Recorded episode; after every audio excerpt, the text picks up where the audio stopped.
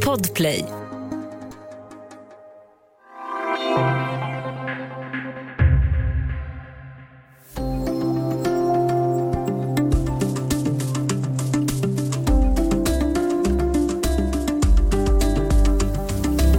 President Joe Bidens son Hunter Biden har legat i bråk med svenska myndigheter. I centrum för en återhållet ilsken skriftväxling mellan Statens fastighetsverk och Hunter Biden står några bakväga gäster och fyra extra nycklar till en lyxvåning i Washington. Välkommen till Studio DN. Jag heter Sanna Thorén Björling.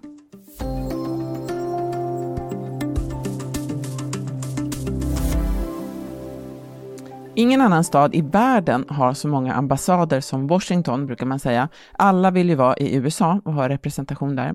Den svenska ambassaden ligger nere invid Potomacfloden eh, i ett exklusivt område som heter Georgetown eh, och det är verkligen ett AA-läge kan man säga.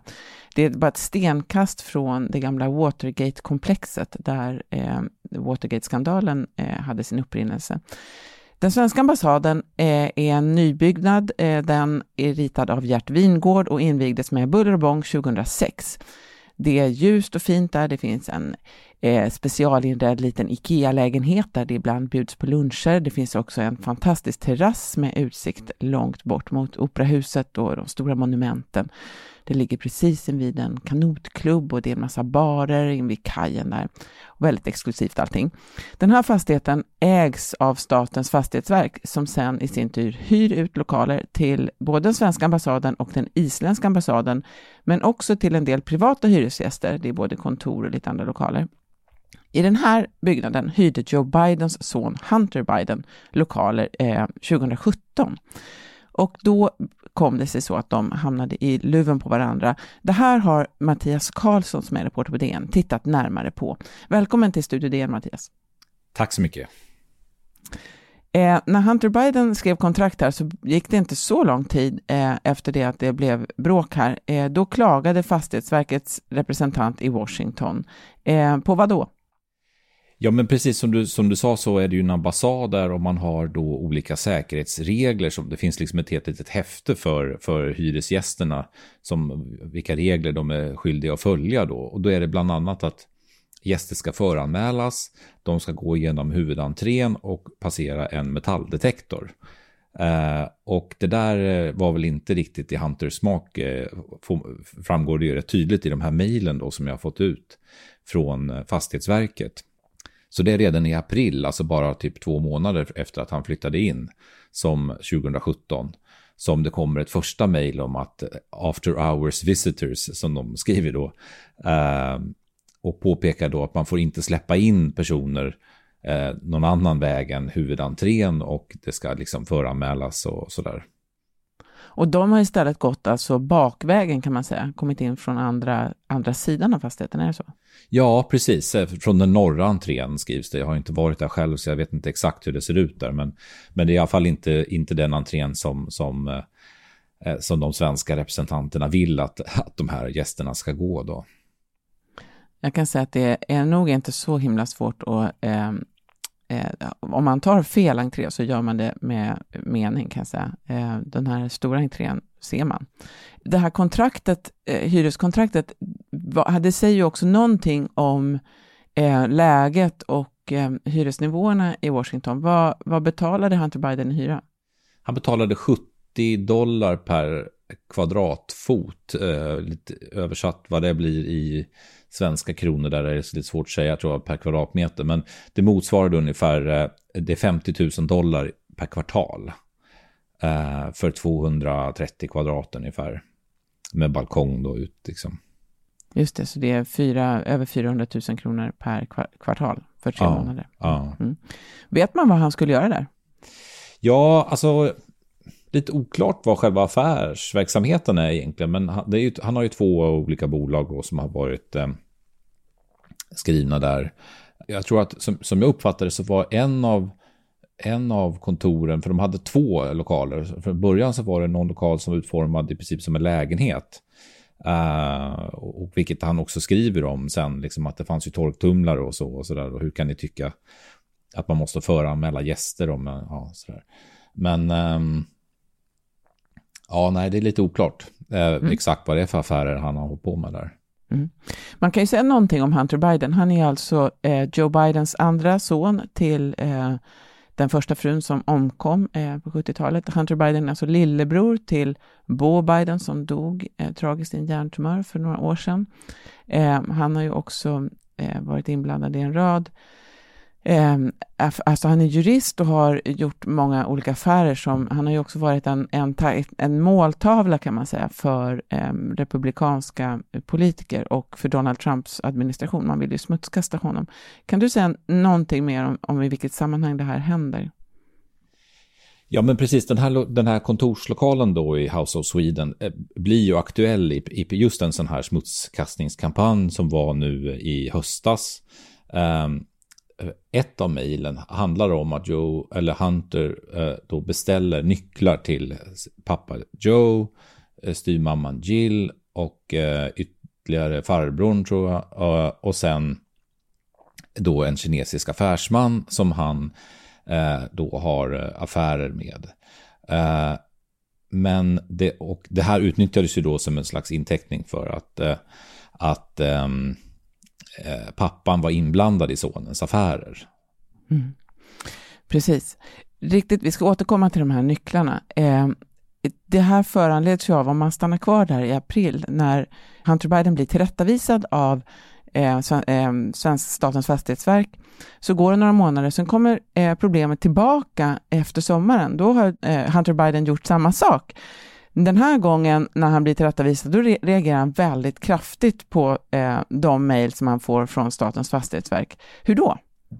Ja, alltså det är ju rätt uppenbart i det här mejlet att han, han är ju fly förbannad och liksom känner sig liksom kränkt eh, för att han eh, då att, alltså, att eh, hyresvärden skulle ha någon slags rätt att bestämma över vilka gäster han har och när de får komma och hur. Och han, han kan inte alls acceptera de här, den här typen av villkor. Eh, och då, då, då, framgår det, han berättar själv om det här i, i det här mejlet, om vilka de här gästerna är. Och då handlar det bland annat om en hemlös kvinna som han har skrivit att han har känt i väldigt många år och som han försöker hjälpa eh, och han anklagar då liksom Fastighetsverket för att vara rasister som, som liksom diskriminerar just hans gäster för att de hade då eh, liksom dåliga kläder på sig som antyder att de är fattiga. Och det är väldigt så här infekterat och upprört det här mejlet då. Skrivet i versaler och liksom, ja, det, det, det är väldigt tydligt att det här är, han har tappat fattningen liksom över det här. Just det. Vi ska alldeles strax återkomma lite mer kring vad det står i de här mejlen och vad som händer sen.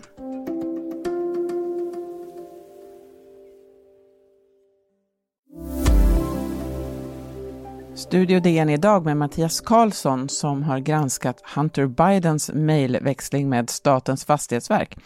Eh, det handlar alltså om eh, Hunter Biden, Joe Bidens son, som har blivit arg på Statens fastighetsverk som tycker att hans gäster går in fel väg. Eh, Mattias, du nämnde en hemlös kvinna, eller en kvinna som eh, hade tydligen, eh, enligt Hunter Biden själv, eh, slitna kläder och så. Vad vet vi mer om de här personerna? Det finns en kvinna här som heter London Roberts. Vem är hon? Ja, men precis. I mejlet då, som, som ju är skrivet då äh, i september 2017, då, då påstår Hunter Biden då att det här är hans äldsta dotter och eh, Barack Obamas dotters basket eh, tränare eller som har spelat basket med dem tillsammans och hon är en slags mentor och coach inom basket. Och London Roberts är ju mycket riktigt, hon har spelat basket eh, och liksom haft någon slags eh, collegekarriär inom det. Han skickar också med en bild på henne då i basketkläder och så eh, liksom själva retoriken är väl så här, hur kan ni tycka att hon är ett hot mot någon? Och, ja, hon är ju bara här och hälsar på och så där. Eh, men numera så är ju London Roberts eh, väldigt välkänd eh, och omskriven i USA och även runt om i världen som den kvinna som stämde Hunter Biden över faderskap och underhåll då för ett barn som hon föder året på, alltså i augusti 2018. Och hon har ju också då arbetat som, som strippa på en, på en klubb i, i Washington och där eh, det påstås då i många medier att de ska ha träffats på just den här eh, klubben då. och DNA-test eh, görs också här och det visar sig att Hunter Biden är far till det här barnet. Eller hur? Precis, det är ju en lång rättsprocess då i hennes hemstater i Arkansas och eh, eh advokaterna kämpar liksom under ganska lång tid fram och tillbaka och sen slutar det ju med att ett DNA-test liksom bekräftar att ja, det är han som är pappa helt enkelt. Mm. Och sen är det en representant för en kinesisk affärsman eh, också, som också eh, ska ha kommit in här. Vem är han? Alltså den, den, kinesiska affärsmannen vet vi ju inte om han verkligen har besökt, utan det, Hunter, eh, det han gör genomgående de här mejlen är ju att han använder eh, liksom de kända personer som han känner i, liksom, i argumentationen med Fastighetsverket. Det är ganska uppenbart att han, att han liksom hävdar sig gentemot dem med att liksom referera till eh, då olika kända personer. Till exempel när det gäller den här hemlösa så skriver han ju, ja men hon har ju till och med träffat hela min familj, hon har varit på besök i Vita huset, varför ska hon inte kunna få komma till, till eh, mitt kontor här på House of Sweden liksom. Så han återkommer hela tiden till det här med vilka han känner och, och vem som är hans pappa. Och eh, det här mejlet då, eh, eh när han är så arg, 20 minuter efter det mejlet så skickar han ett nytt mejl där han säger eh, då beställer nya nycklar och då är det ju alla de här kända personerna, nämligen pappa Joe, mamma Jill och så vidare och den här kinesiska affärsmannen. Och, och eh, det där mejlet då är ju det som orsakar de här problemen för honom senare då när när eh, det läckts ut. Just det, för det här mejlet kommer eh, amerikanska tabloider till, till känna, så att det blir en, på konservativa sidan kan man säga, så att det blir en eh, mycket uppståndelse kring detta i december. Eh, jag tänkte, det är ju lite, det här kan ju, det är ju en småsaker kan man säga, Statens fastighetsverk vill att man ska hålla sig till reglerna, eh, alla ska gå in via huvudentrén, det är väl egentligen det det här handlar om, Eh, och Hunter Biden eh, utnyttjas här av, av, av konserva- från politiskt konservativt håll. Eh, Hunter Biden har ju inte, han har ju blivit anklagad för massa korruption i Ukraina och Kina. Det är ingenting som har blivit belagt. Eh, men hans, och han har en, en historia av missbruksproblem och så. Eh, vad skulle du säga, vad, vad, på vilket sätt blir man sårbar? Det är inte, han har ju, Joe Biden har ju inte haft någonting med de här sakerna att göra. Men eh, vad finns det för risker med att vara exponerad eh, och, och, och, vara en anhörig till en politiker? Ja, nej, men alltså eh, i hans fall så eh, är väl problemet att han är ju en väldigt enkel liksom måltavla att använda om man vill skada Joe Biden. Eh, han har omvittnat och liksom, då har han ju själv erkänt haft stora problem med med missbruk. Och han har accepterat eh, olika styrelseposter och samarbeten med eh, Eh, affärsmän från eh, världen, då, bland annat Ukraina och Kina, som ju är tveksamma. Det är ju ingen liksom, tvekan om det. Eh, och, och med all sannolikhet så har han ju fått de där uppdragen just för att han är son till Joe Biden. Eh, sen om de har fått någon ut, så att säga, utväxling för det eller någon valuta för att de har betalat honom Eh, det vet man ju inte liksom om han om, om det finns någon verklig korruption sen i slutändan. Men, men det är klart att det är väldigt enkelt att angripa honom för det. För det för, ja. Och man kan ju också bli utsatt för till exempel utpressningsförsök, tänker jag, eller eh, till ja. och med kidnappningsförsök kanske. Att man blir eh, väldigt sårbar, även, alltså även hans far blir ju sårbar Ehm. Ja, såklart. Och det, nu i och för sig så har han ju liksom, det har ju inte varit någon hemlighet att han har haft problem. Eh, så att eh, jag vet inte hur, hur liksom hur känslig han har varit för att det här, den här typen av uppgifter kommer ut. Eh, men, men jag menar, om man tänker sig när det gäller det här med nycklarna, där man kan säga så här, okej, okay, du beställer kontorsnycklar till pappa Joe och den här eh, numera eh, korruptionsanklagade kinesiska affärsmannen och, och, han säger ju att de här mina nya office mates, vilket ju då indikerar att Joe Biden skulle ha varit kontorsjobbarkompis eh, med den här kinesen. Alltså det är, det är klart att det, det blir ju eh, en väldigt jobbig situation, även om det i, i, verkligheten då kan man ju se nu, inte, fast förmodligen inte hade någonting med verkligheten att göra. Det, det var inte hans nya office mates, det skrev han bara för att hävda sig i gentemot Fastighetsverket och Just det.